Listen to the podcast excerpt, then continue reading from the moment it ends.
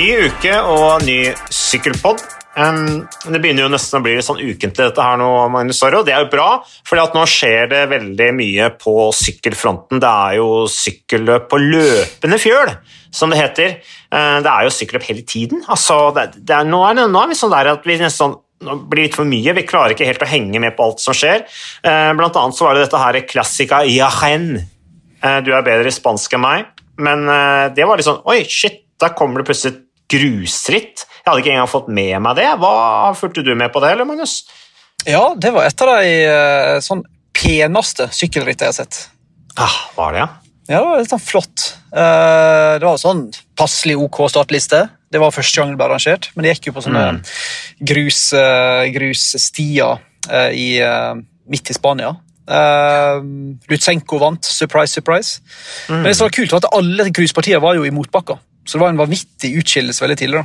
Um, ja. Og ja, det var utrolig det var fint vær og fine olivenranker der. Og, ja, veldig mye oliventrærne, det der. Ja, enormt masse. Så mm. det var et kult ritt. Det likte jeg. Det var en kul oppfinnelse. Litt sånn Spanias svar på Strade Bianchi. Hipster, hipsterritt, eller? Debatten raser jo om disse hipsterrittene. Ja, det er masse hipsterritt jeg er jo ingen hipster, samme hvor ofte du vil si at jeg er en hipster. Uh, mm. så, så Men du er litt, sånn, litt hipster, er du jo. Nei, jeg er jo ikke det. Og så Hipsterritter er jeg også sånn passelig interessert i. Så, mm. Men du mener at Giro d'Italia er et hipsterritt? Ja, definitivt. Ok. Ja. Men tilbake til dette klassika Jahein, som ble vunnet av Veksel Lutsjenko foran Tim Wellens og Luik Fligen. Um, Fligen, som uh, jo, um, jo, er vant i rytter, de begynner å kjøre bra, disse her vant 80-gutta. Um, Uh, synes jeg. Uh, ellers Du nevnte dette her med, med Vellens. Uh, han har en tredjeplass for Strade Bianchi. Altså, Strade Bianchi er et vakkert sykkelløp. Det er et helt fantastisk nydelig sykkelløp. Um, hva tenker du om Mener du at det her Classica Jahain kan liksom komme opp på nivå med Strade Bianchi når dere får liksom etablert seg litt, eller? Jeg tror potensialet nesten er der. Mm. Men jeg tror bare at uh, den spanske sykkelsporten mangler så mye penger. Ritt forsvinner og dukker opp. og Jeg er litt spent på om de klarer på en måte å holde det gående. Men um, like kult ritt. Det syns jeg mm. absolutt. Så, og jeg syns Australia Bianchi er dødskult. Så I motsetning til mange andre ser jeg i sosiale medier, så er jeg jo tilhenger av um, grus i sykkelritt, så lenge det ikke er i de tre store etapperittene. Så um, jeg, syns det absolutt hører hjemme i um, i OL 2, syns ikke du? Eh, jo, altså det er jo en diskusjon For øvrig så var det veldig hardt, det der eh, Klassikajane. Det var bare 44 av 117 som startet, seg. Men eh, du er jo inne på den der diskusjonen der nå. Vi har jo snakket om det allerede, ikke sant? Med, med Patrick Lefrevre, eh, Quickstep Alfa Vinyl-sjefen, som jo er kritisk disse grusveiene. Men Chris Froome tar jo også dette opp på sin YouTube-kanal. Hvor han, eh, hvor han, snakker litt om ting han brenner for, Chris Room. og Da snakker han bl.a. om grusveier, at han ikke syns noe særlig om det.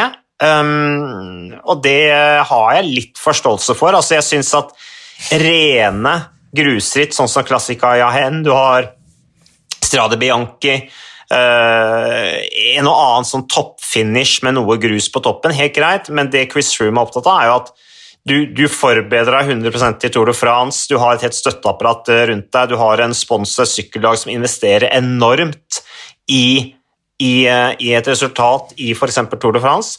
Og så er det da eh, et sykkelløp hvor det da er plutselig veldig mye grusveier eller brostein, som også da Chris Room mener ikke har noe å ikke høre hjemme i, i f.eks. Tour de France. Og så er det altfor mange tilfeldigheter som, som, som avgjør at du da plutselig eh, ikke, at du velter, og så, og så, ligger du der, og så, får, og så, og så må du bryte. Eh, og Man snakker om dette er å gjøre sykkelsporten mer sikker, eller altså sikre, man snakker om sikkerheten. Det er alltid folk som brøler høyt når det er for mye velt. og sånne ting. Er det noe som ikke skaper sikkerhet, så er det jo brostein og gruspartier og, og de utfordringene der i ritt som Tour de France, hvor du på en måte har en, en miks av ryttere som jo egentlig er der for å fullføre disse tre, tre ukene opp fjeller og, og, alt dette her. Det er flott. Det, jeg liker altså jeg forstår arrangøren når de ønsker å for, måte, fortelle en historie om en robust utøver som takler alle, alle, forhold, men det er en veldig stor avveining i forhold til sikkerheten dette her, med disse her gruspartiene og sånne ting. Som et enkeltritt, som en klassiker, helt greit, for da kommer rytterne her, de er innstilt på det. I et etapperitt som Tour de France, hvor rytterne egentlig kanskje ikke er innstilt på det, er jeg litt mer skeptisk, da. Eh, selv om det blir alltid moro og overskrifter og, og mye action. For en gangs skyld så er jeg nesten helt enig med deg. Ah, du er det? det er jo... Jeg er det. Jeg er helt enig at ah. Så lenge det på en måte er et enkeltritt, helt fint, variasjon, mm. underholdning, men så lenge du skal begynne å for, altså, eh, for å si det sånn da, Pogacar kan velge om han vil stille i Strade Bianche eller ikke, men Tour de mm. France, der, der, der, må du liksom ha muligheten for å ha litt uh, Der må det nesten være normale forhold, mener jeg. altså. Så, men det er jo bare et utslag, føler jeg. da. Eh, sånn brostein, grus. Et utslag av det vi ser i ja, Du ser jo vinter-OL òg. Altså, det er jo fullstendig inflasjon i øvelser. Mm. Alle øvelser skal bli kortere, det skal bli mer dramatisk. I sånn evig jakt på å tekke et ungt publikum. da. Mm. Uh, så jeg tror sykkelsporten har godt av å bremse litt opp snart i å ta inn grus i Paris Tour og alle ja. mulige plasser nå. Det blir for mye. Paris 2 greit nok, for du kan velge sjøl om du vil kjøre Paris 2. akkurat som Du er inne på. Du kan velge sjøl om du vil kjøre Paris Roubais, Flandern rundt osv. Det er for de rytterne som elsker det. Uh, og så har de de rytterne som holder seg unna, som aldri har vært med der. og De har ikke noe der å gjøre, for det passer ikke deres karakteristikker. og Mentalt sett så er de livredde. De vil ikke stå til, på startstreken der. Uh, og En annen ting som jeg også tenker er et poeng, og som sykkelsport skal være litt varsom på Ja, det blir spektakulære bilder. Eh, det blir mye diskusjon, det skaper overskrifter, du får velt, og det er spektakulært på mange måter, selv om det er til grensa til tragisk når ryttere skader seg. Men også sponsorene, da. Altså Sponsorer som putter hundrevis av millioner kroner inn i store lag, f.eks. i Team Ineos, da, for å satse på Egan Bernal eller hvem det måtte være. Og så, og så velter de pga. et eller annet brosteinsparti, fordi at det er helt eh, gale-Mathias inne i feltet der. Så tenker de vet du hva, dette gidder ikke vi å bruke så mye penger på. Det er altfor mye tilfeldigheter i sykkelsporten, eh, så vi satser heller på noe hvor det er noe mer forutsigbart, og vi veit hva, hva, vi får igjen for pengene. Det tror jeg også er noe man skal være litt varsom på med, med internasjonal sykkelsport, at de ikke gjør det så vilt og uforutsigbart og spektakulært selv om det, eh, mange mener at det er et mål å gjøre sykkelsporten mer uforutsigbar, så mener jeg at det kan fort slå tilbake på sykkelsporten. altså At sponsorene sier vet du hva, her er det for høy risiko, vi putter ikke pengene våre inn i dette her. Så det skal vi si at det var det, eller så kan vi jo snakke om uh, altså når Det gjelder, det var jo gøy at vi var enige, Magnus. Det syns jeg er topp. Det ødelegger kanskje litt dynamikken i denne podkasten her, da. For vi har liksom bygd litt på at vi skal være litt uenige, og det er jo veldig kjedelig å høre folk som bare jatter med.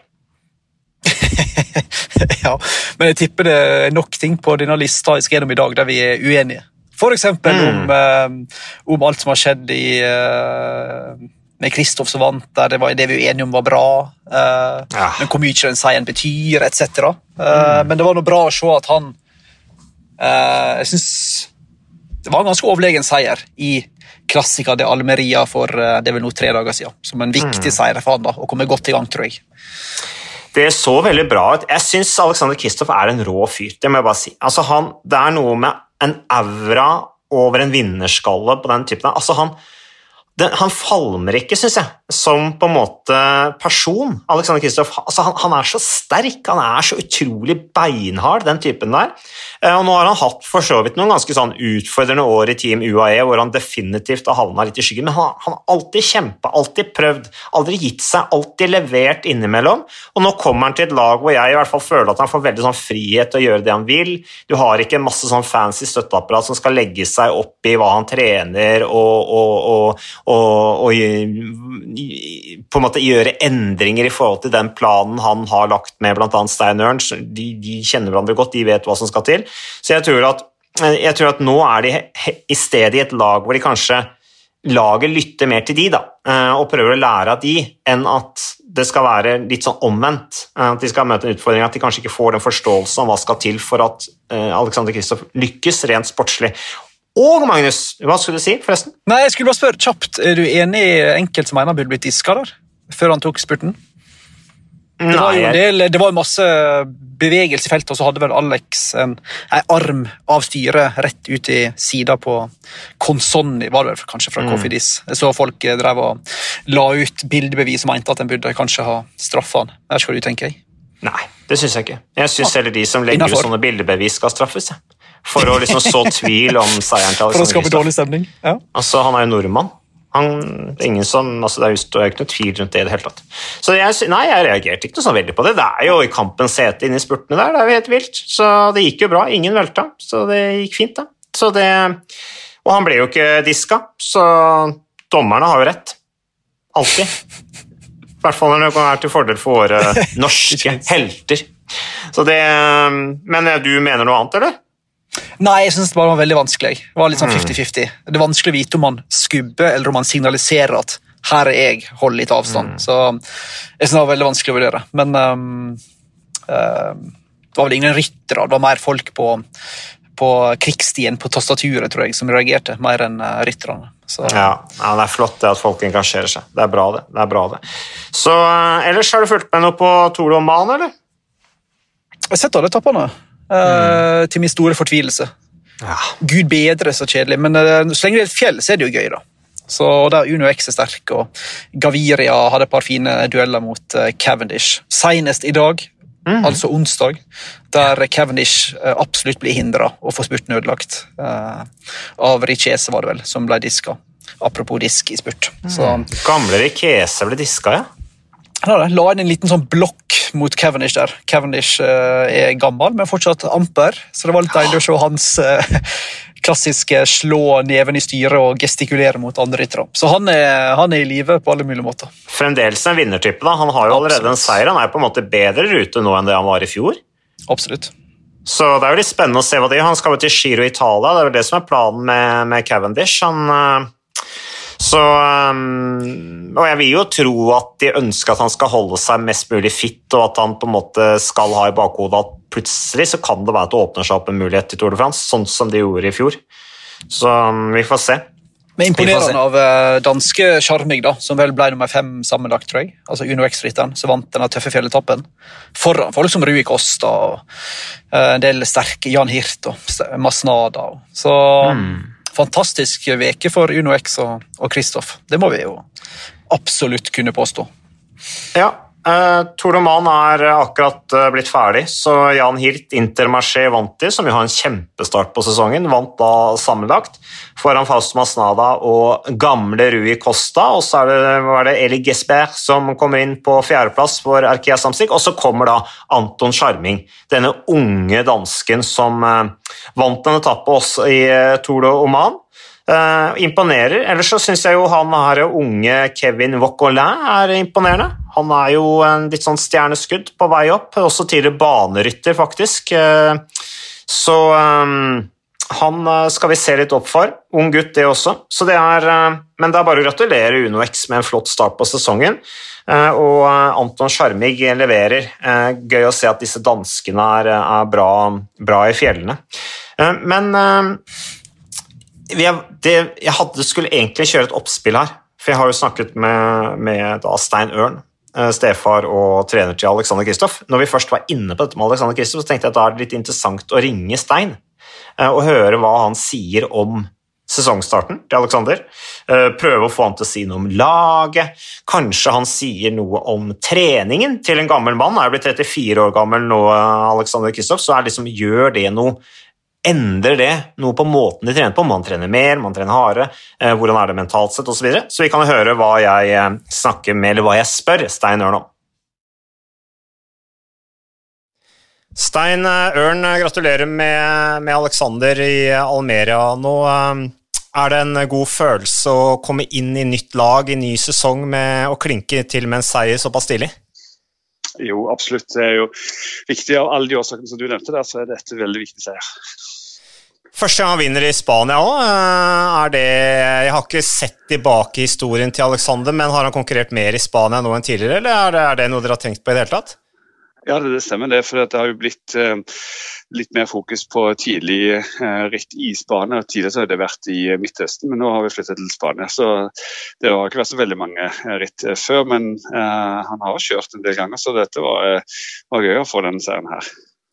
Men Stein, nå har jo Alexander holdt på noen år. Han begynner å bli eldre. Det har vært litt sånn spekulasjon om hvor lenge han kommer til å holde på. Han har liksom sagt at ja, det er åpent om Altså, Det kan fort skje at han legger opp etter en sesong hvis det blir en dårlig sesong. Men jeg bare tenker på sånn rent treningsmessig. Dere har hatt et uh, superlangt samarbeid med, med, trening. Du har fulgt han ekstremt tett. Nå som han har kommet opp i den alderen han har, hva gjør det noen endringer med treningen hans? Nei, det viktigste forskjellen når du blir eldre, er at du har ikke samme eh, punchen når, som når du var yngre i forhold til de harde øktene. For dette du har vært gjennom det.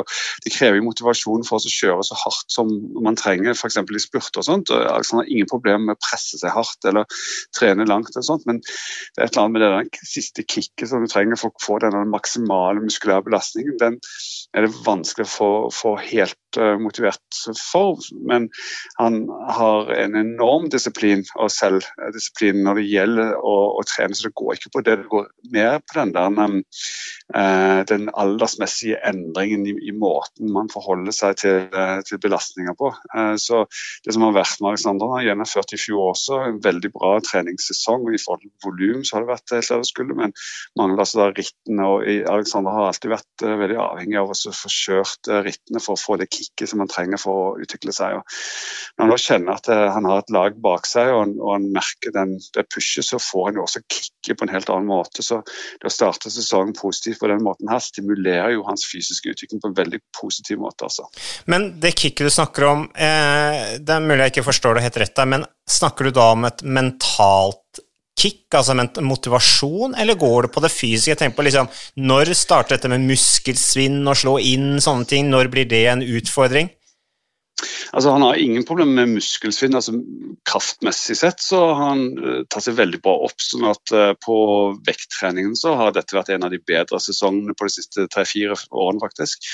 Uh, det som det dreier seg om, er heller ikke motivasjonsrelatert kick. Det dreier seg om mer en sånn fysiologisk endring som skjer i hodet til, til, oss alle når vi blir eldre og litt mer avbalansert og ser ting med litt større perspektiv. Så, så blir det litt, litt annen måte ting løses på. og Det er jo en fordel for en spurter f.eks. sånn som Alexander, som da blir flinkere til å gjøre gode valg. Men du mangler altså denne fysiske, grunnleggende stimuleringen som gir deg denne kicket til å, til å få liksom ekstra stimulering muskulært sett. Men eh, Alexander er veldig glad i å konkurrere, og når han får denne konkurransen sånn som han gjør nå, så, så ender han opp med å få eh, kjøreritt og, og, få den belastningen som han, som han trenger. Så jeg, det syns dette var en veldig god start. Det er uh, også med tanke på laget Jeg syns jo vi har sett tendenser til at Vanti, for å bare kalle det det, uh, har kjørt bra når de plutselig har fått noe å kjøre om, som kjører for, som kollektiv. Det så vi i Spania rundt i fjor med Terramé og Odd Christian Eiking. Plutselig så løftet hele laget seg. Er du også overrasket over det du ser med, med Vanti, eller hva, hva, tenker du om, om, om lagets innsats? De har jo fått inn Alke nå, som er en veldig flink eh, person. Og så har de jo valgt å strukturere og, og endre ambisjonsnivået sitt. Eh, så da Alexander kom inn i laget, så var det umiddelbart et veldig positivt inntrykk. og Det er også noe av inntrykket han fikk når han snakket med laget eh, eh, forrige sesong. At de hadde veldig fokus på de detaljene som, som er viktige eh, for å prestere. Eh, og, eh, så Dette går på en kultur, men samtidig er det også sånn at et lag som da ikke har et klart mål, eller har muligheter for å oppnå det målet man setter seg, så, så blir heller ikke, eh, så blir heller ikke motivasjonen og og gjennomføringsevnen den samme. Eh, nå ser jo laget at de klarer å få til ting hvis de, hvis de fokuserer, og, og, det tror jeg er veldig positiv stimulering i den prosessen som de har selv initiert. Altså. Så det, alle tingene tydet på å gå i riktig retning for akkurat dette laget nå. Men med moderne sykkellag, eh, Stein, så er det jo litt sånn eh, med svære støtteapparat, masse trener, fysiologer og alt mulig rart som skal styre mye av hvordan rytterne gjør det. Eh, så, som jeg tror kanskje til en viss grad har vært en, en, utfordring for dere som vet mer hvordan dere ønsker å gjøre trening, har en, en god plan i forhold til det. Opplever dere at dere får større frihet nå i Vanti enn det dere har opplevd f.eks. I, i UAE til å gjøre deres ting og få tillit til å gjøre det dere vet er best? Altså I UAE så fikk en også stor grad av tillit til å gjøre det som, eh, det som vi eh, må gjøre, eller det som Alexander må gjøre, for å klare å holde nivået sitt. Eh, og, og se etter seieren i, eh, i, eh, i eh, altså, eh, Etter de seirene han har hatt, så har det på en måte styrket posisjonen hans i oss internt i laget. Men problemet er at det blir ikke bygd noe rundt han.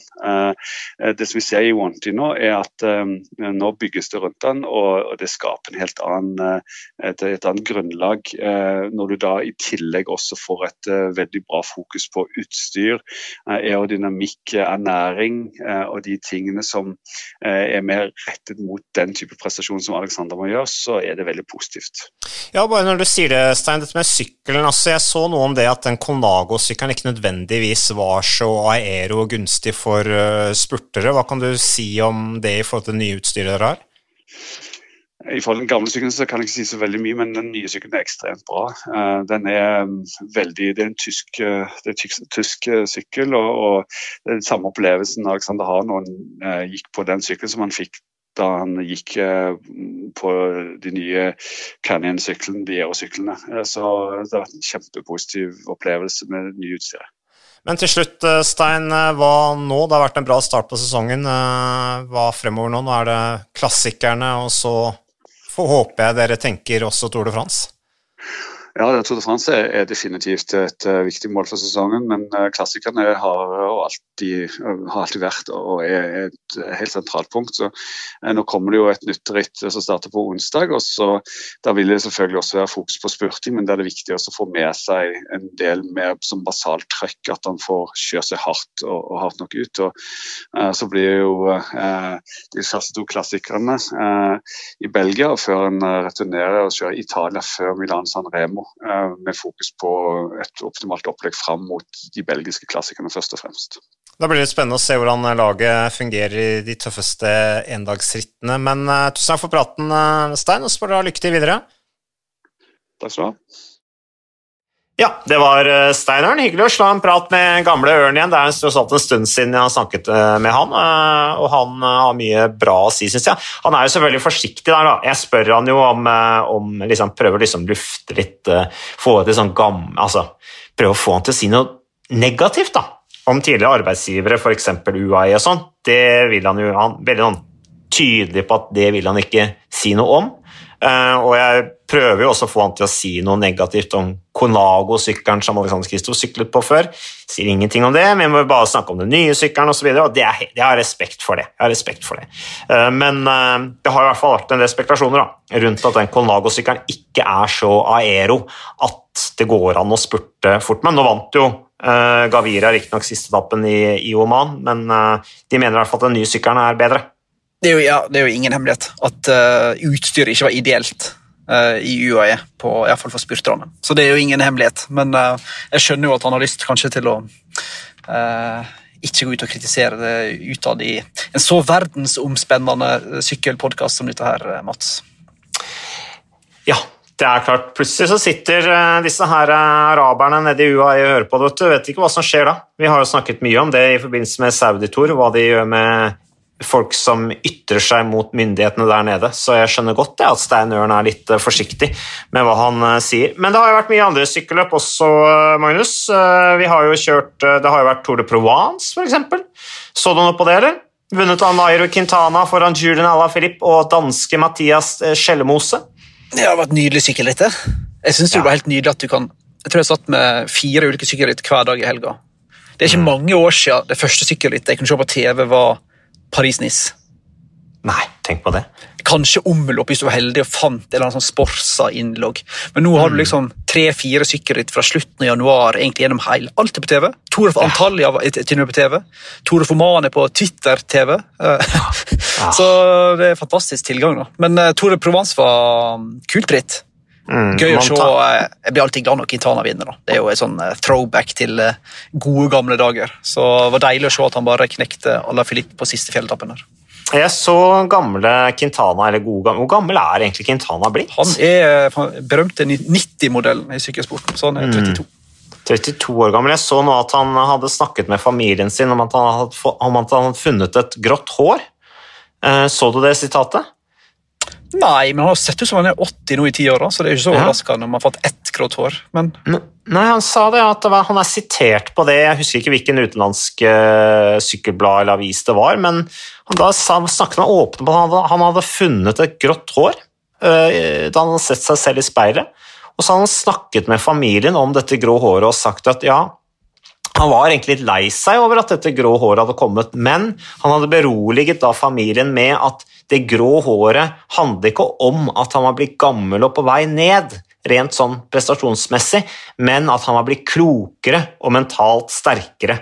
Og det ser jo ut som at han har blitt, da, eh, Quintana her, eh, når han vinner da Tour de Provence med, denne, med, med seier opp Montagne de som jo er blitt en eh, ja, vi må kunne bruke det klassiske sykkelterminologien klassisk om Montandelur. Vært masse tøffe bataljer opp der. Uh, vant jo den siste etappen, og vant da sammenlagt. Vant bakketrøya gjorde han også i sitt første ritt for sesongen. Det, det ser jo lovende ut med tanke på Quintana, Magnus. Absolutt. Men MVP-ritt må jo være Filippo Ganna. Vinner prologen. Ja eh, sikrer egentlig seieren nesten på egen hånd i sidevinden for Viviani på etappe to. Mm. Blir med tre i en motbakkespurt bak Ale Filip på etappe tre. Og så ble han vel nummer var det cirka nummer ti, eller et, ja, sant? og så ble det mm. nummer sju sammenlagt på tøff fjellfinish. Ble jo diska, da, som folk har fått med seg, selvfølgelig, fordi han bytta sykkel på ureglementert vis. Eh, mm. Men uansett, da. Han er jo utvider bare repertoaret sitt for hver dag som går, nesten. Så der har du, der har du rytter, altså. En rytter med stor kapasitet, som uh, for øvrig skal uh, satse på uh, Er det i år han skal satse på Paris-Roubais? Eller er det litt mer sånn fram i tid? Han skal i hvert fall delta, har han sagt. Så ja, jeg, jeg, satt og så litt på resultatene til Ganna her. Jeg har jo laget en mappe sant, på Ganna som på alle disse andre stakkarene. Uh, vi har jo sånn, Du kan jo be om å få se på mappa di, som jo, uh, som, jo, sikkerhetspolitiet sitter på. Um, den mappa til, uh, til Ganna Det er ikke så mye sånne ting som står der som er spesielt uheldig for han, men han har jo kjørt veldig bra i Paris-Roubais Eh, som, eh, som, junior, så jeg. Så han eh, Det ligger jo litt i hans natur, det der å, å kjøre bra på brostein. Han kan jo bli en kjempekapasitet på Paris-Roubais, Filippo Ganna, altså. Hvis han takler det derre det tekniske. Det var U23-utgaven i 2016 som Ganna har vunnet. Det var ikke junior. Men i og med at han har vunnet U23-utgaven, så vil jeg jo anta at Ganna kan ha litt i seg, da når det gjelder Paris Rubé eliteutgave nå, med den kapasiteten han har. Han kommer til å vinne rittet minst et par ganger. Mm. Så han har jo alt som skal til der. Både teknisk og styrkemessig og kroppsprofil. Og, uh, ja, så det er jeg ikke spesielt nervøs for. Nei, vi er trygge på at Ganna kommer til å gjøre det bra. Hvis han er Absolutt. litt sånn usikker, så kan han ringe til deg. Så gir du han noen sånne støttende ord at Ganna, du må ha tro på deg selv. You can do it. Believe in yourself. ja. Så, men uh, han byttet sykkel, som du sa, og ble disket pga. det i uh, Tour de la Provence. og det Grunnen til at det var en ureglementert sykkelbytte, det var rett og slett fordi at han fikk Det var da en fra støtteapparat som sto langs veien, klar med en sykkel til han. Hvis du skal bytte sykkel underveis i sykkelrittet, så må du da altså få sykkelen fra servicebilen bak. Det var det det handla om. Og han byttet sykkel fordi at han skulle gå da fra skivebremser til vanlige felgbremser for å spare vekt opp Montandulur. Så her har vi en som er opptatt av detaljen. Altså. Det er det ingen tvil om. Utrolig utypisk Ineos, da. Som har kontroll på alt hele tida, så bytter de bare sykkel på en måte som alle vet ikke er lov. Skikkelig amatørmessig. Ja, det er merkelig. Ja. Uvant den gjengen der, da. Nei, men de har kanskje ikke fått med seg reglene, da. Men jeg tenker at når vi har en rytter som har ledertrøya liksom, og gjør det så bra Vi er tross alt inni oss. Vi er med på dette her lille fillerittet, liksom, så da kan du ikke diske oss. Men nei da. Vi gjør ikke noe forskjell på noen kommissæren kommissærene i Det internasjonale sykkelforbundet. Altså. Det er slutt på den tid der. Det var ikke sånn som det var på 90-tallet. Eller begynnelsen av 2000-tallet. Alt var verre før. Da man endret reglene ettersom hvem det gjaldt. Så, um, så, den tid er forbi, og det er jo bra, det. Vi er glad for det, Magnus. Det er jo sånn det skal være. Um, også colombianske mesterskapet, så du det òg, eller? Du, det droppa jeg. Fant Ja. ingen stream, så det lot vi eh, Det nedprioriterte jeg. Men um, Men uh, hva skulle jeg si? Sergio Gita vant jo det, da. Egita vant. Jeg tenkte bare på uh, I går kom jo nyheten om Flandern rundt omsider. Verdens Ja. dårligst bevarte hemmelighet. i- Ja, den har vi sittet med en stund. uh, men da har du jo faktisk Gent Wevelgem, Flandern, Robé, Flesh Wallon og Liège Baston Liège på Uno X. da. Pluss Dauphiné selvfølgelig og Catalonia. Så selv om jeg ikke fikk liksom den, det all, all, all mest lyst på, med tornen, så får du jo alt det nest beste. da. Eh, Og det beste av endagsritt. Så den tenker jeg smakte godt. Det var uh, kult, det. Uh, da har vi det å se frem til også med UnoX. De er veldig offensive. De hylles jo av det internasjonale sykkelpublikum, i hvert fall på Twitter, som jo er det vi sitter og leser mest på. Så det er jo bra å se. Um, det blir, eh, det blir Ja, det er klart det blir en utfordring, det der, med, med Flandern og Paris-Roubais og sånn, men vi gleder oss til å se hvordan eh, UnoX skal takle de utfordringene der. Du var jo inne på eh, Antalya, som du klarte å følge med på, eller finne på en eller sånn bortgjemt stream et eller annet sted, som jo da ble vunnet av danske Jakob Hinsgaard, så de har jo hatt en kjempestart på sesongen UnoX. Um, ja. Men det store spørsmålet er jo bare så vi får eh, tatt det opp. Blir Uno X snytt for en Tour de France-plass? Er uttaket feil? Ja, det er jo det. De, jeg syns jo de sykler bedre enn B&B Hotels. Eh, Så de, eh, til en viss grad så blir det jo snytt, men det er klart et ferskt, eh, det er et ungt lag. Jeg hørte intervjuet med Prodom om det der, om Uno X og, og, og Tour de France. Og Christian Prodom er jo direktøren da for, for rittdirektøren for Tour de France. Og han sa jo det at det hadde vært kjempegøy å få Tobias Halland Johannessen og disse her gutta til Tour de France, men, sa han, de er jo unge. De har jo ikke erfaringen til å kjøre Tour de France, sa han. Så, så han tviholdt liksom på at det var riktig beslutning å la de få vente litt. Men eh, jeg syns det er ganske gøy nå at vi har kommet dit at direktøren av Tour de France blir spurt om eh, hvorfor ikke de har tatt ut et norsk profflag. Det syns jeg er gøy, at vi har kommet helt dit. Så, så de er, eh, og jeg tror de gjør det veldig lurt under X, at de på en måte de opptrer jo veldig ydmyke rundt beslutningen. Eh, ved å si at ja, vi respekterer beslutningen, vi ønsker alle lykke til, eh, vi håper å være der. De har opplagt investert en god del i å få et godt forhold til ASO ved å satse på deres ritt istedenfor RCS, arrangøren, altså de som arrangerer Italia rundt og de rittene der. Eh, så, så det er på en måte de har startet prosessen mot å få delta i Tour de France om ikke altfor mange år. Så får vi bare glede oss til det skjer, for det kommer til å skje en eller annen gang, tror jeg. Litt kult at Theo Gegenhardt, altså Giro-vinneren 2020, blir det? Mm. Og, og liksom bare går ut og kritiserer valget. Da. Så det um, sier jo litt om en standing en har klart å bygge seg opp. da. Ja, det la jeg også merke til, Magnus, så da måtte jeg rett og slett gi han Theo Gegenhardt en liten re retweet, altså. Oi, Tror du ikke han oi, glad for det? Hæ? Tenkte han Mats Kaggestad Ja. retweet meg. Det er stort. Ja. Det er ikke ofte du gjør, altså. Ja, nei, så det, nei, det sitter langt inne å retweete de folk, så det, det gjorde jeg. Men eh, det er som du sier, Magnus, jeg syns det er ganske kult da når, eh, når britiske Theo Gegenhardt, vinneren altså av Giro Italia eh, for to år siden, covid-utgaven som gikk på høsten, når han da liksom Hvorfor er ikke Uno X med, liksom? Vi har lagt merke til de. Eh, Det er, det er kult. det er kult. Så, så det får Uno X ta med seg. Og så blir det gøy når de skal kjøre klassikerne, og så blir det gøy når de skal kjøre Criterium Dauphiné osv. Så, videre. så det er masse å se frem til, eh, til der. Hva er det som står på kalenderen nå nå videre? Vi har snakket om det som har vært av sykkelløp. Vi har jo Ruta del Sol, som starter da 16. februar. I dag er det 5. februar, så det er altså i morgen. Vi har al Algarve, som også starter i morgen, altså 16. februar. Der er det en del nordmenn på startsjekken. Tobias Foss, Sven-Erik Bystrøm, Alexander Kristoff, Markus Holgaard, som jo nå er blitt trekkrytter, August Jensen, som da skal eh, måle seg mot da rytter som Thomas Pidcock, David Godu, Sergio Higita, den ferske colombianske mesteren, Remco Evenepour, Jay Wine, som jo eh, angrep på den etappen hvor Tobias Halland Johansen vant i, i uh, Etoile Bessège.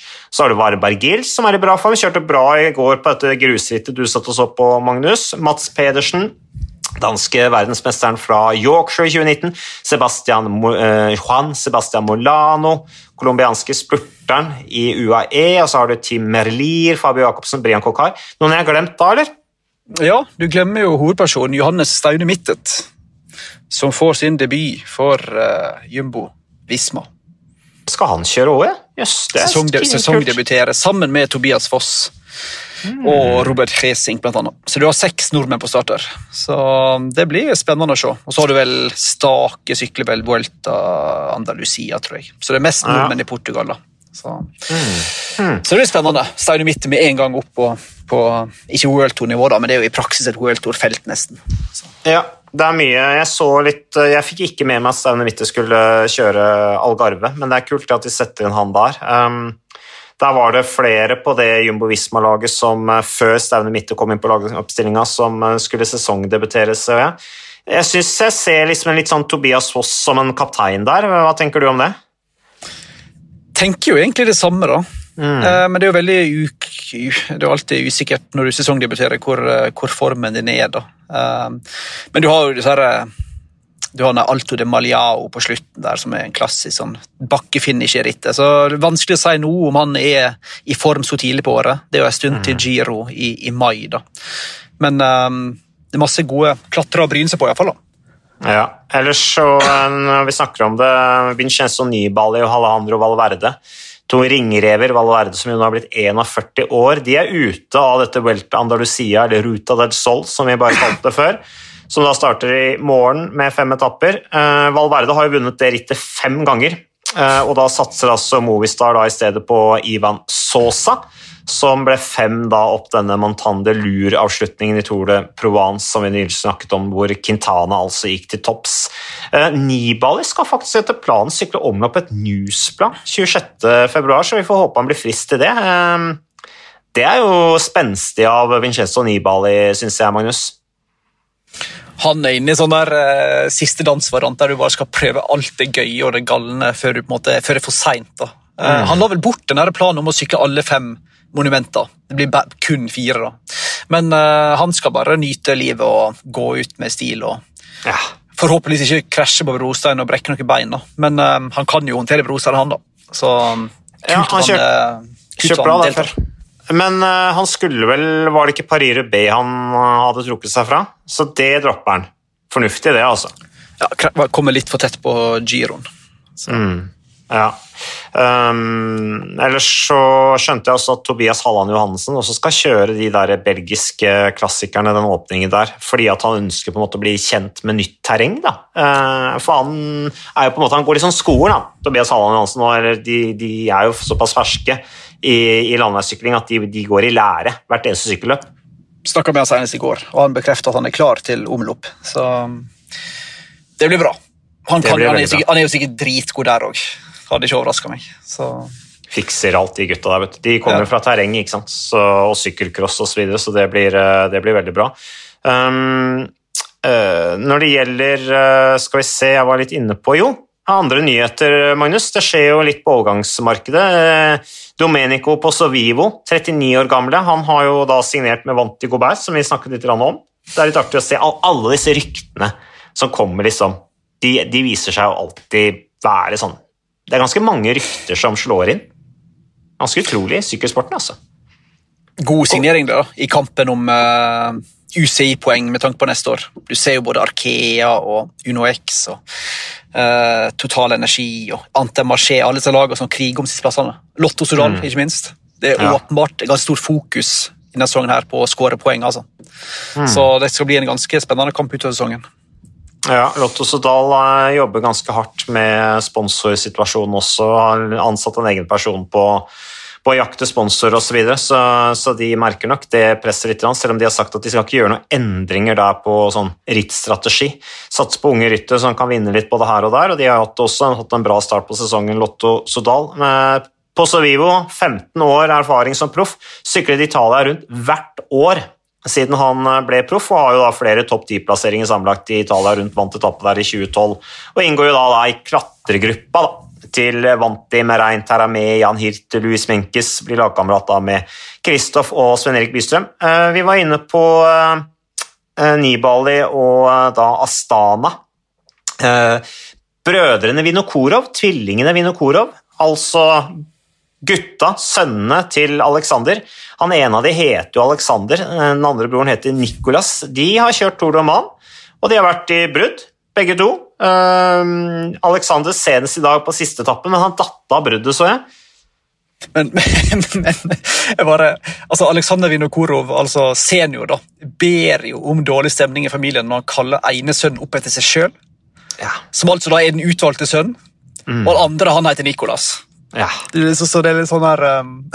mm. Hvordan forklarer han det, liksom? Altså Når Nei, de spør det... pappa hvorfor kaller du meg for uh, Hvorfor kaller du ikke, hvorfor kalte du ikke meg for Alexander?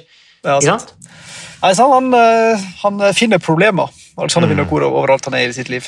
Men tror du det har med at da Alexander, den ene av disse tvillingene, ble kommet først?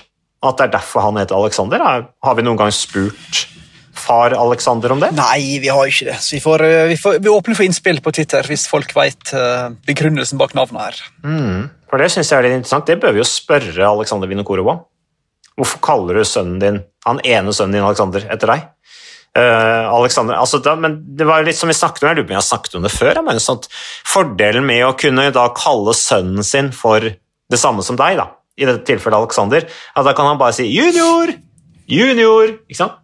Da, da, trenger du ikke å si noe mer enn det. Så det er bra. Begge de to sykler jo da i utviklingslaget til Astana, og har altså vært i brudd da, i Tour de Oman. Ellers så har de ikke noen sånn voldsomt resultater, de to gutta. Så jeg tror de trenger noen år på seg til å, å utvikle seg hvis de kjører naturkost, i motsetning til sin far. Du er jo best buds med Andrej Kasjeskin, beste kompisen til Vinokurov, så du får, får, høre litt om talentet til gutta og gi en rapport neste gang. Ja, jeg vet ikke helt hvor i verden han Kasjeskin er nå. Ja.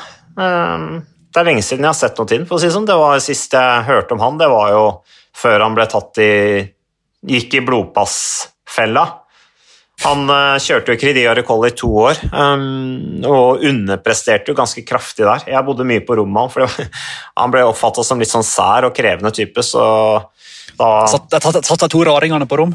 Ja, men jeg fiksa liksom å bo på rommet. Da. Det var greit, liksom. Det var ikke noe problem for meg. Så, så, men han uh, skøyt jo fart, da. Når han gikk over til Astana året etter, ble jo tre i Spania rundt i 2006 plutselig. Så, så det var bra. Men ja, ikke hadde fått i seg noen ekstra blodposer, tror jeg, som han ikke skulle ha. Det var vel det som de endte opp med å konkludere med. Men uh, jeg tror vi har tatt det meste. da, Magnus, du er jo en busy mann. Hva, hva er planen videre i dag? Absolutt ingenting. Nei, Så du har ikke noe det, spesielt å gjøre? Det er ingen sykkelløp på Jo, det er fotball i kveld. Så ja. det hjelper litt. Redder litt kvelden. Mm. Ellers er det jo bare å gå her og prøve å stå imot covid-bølge etter covid-bølge. Mm. Er du redd? Frykter du det? Ja, ja, det er jeg. Mm. Så, ja, for du har ikke hatt covid, du? Nei, jeg prøver på å bli den siste, siste, i landet da, som står imot denne pandemien. Så vi får se hvor lenge det varer. Men du bør jo få det, da, for da får du det jo i det passet ditt. Så har du liksom gjennomgått covid. Det ser bra ut på papiret. ser bra ut på CV-en. ja, det gjør det. Altså, Alle vil jo det, liksom. Bare sånn Hæ, har du ikke hatt covid, eller? Bare sånn, Du kommer ikke inn her. Nei, ikke, du får ikke hente grensene når du ikke har hatt covid. Så det burde få deg. Du bør få deg et covid. Jeg skal, liksom, skal, skal, tenke på det. Diskutere det. Før snakket man om åndelig renselse og sånn, nå snakker man om covid, at det er en sånn på en måte berikelse i livet. Så, men jeg tenker at vi gir oss der, Magnus, og så takker vi for uh, de, som, de få som har lyttet på Sykkelpodden. Og så Alt prøver vi å være tilbake neste uke. Takk for oss.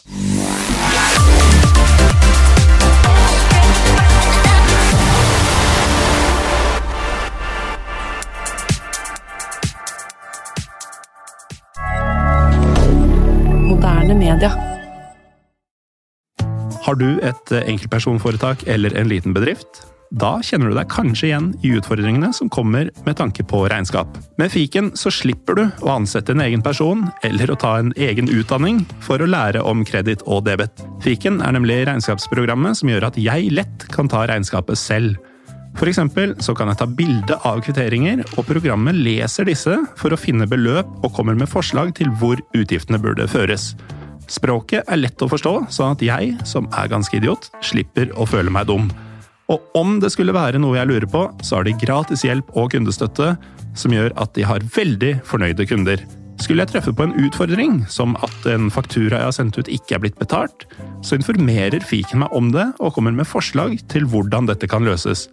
Så trykker jeg bare på en knapp, og resten fikser fiken. Med fiken så kan jeg virkelig ha fokus på det jeg syns er gøy å jobbe med, og samtidig være trygg på at regnskapet er ivaretatt. Så ta regnskapet selv du også. Gå inn på fiken.no og prøv fiken gratis i 30 dager.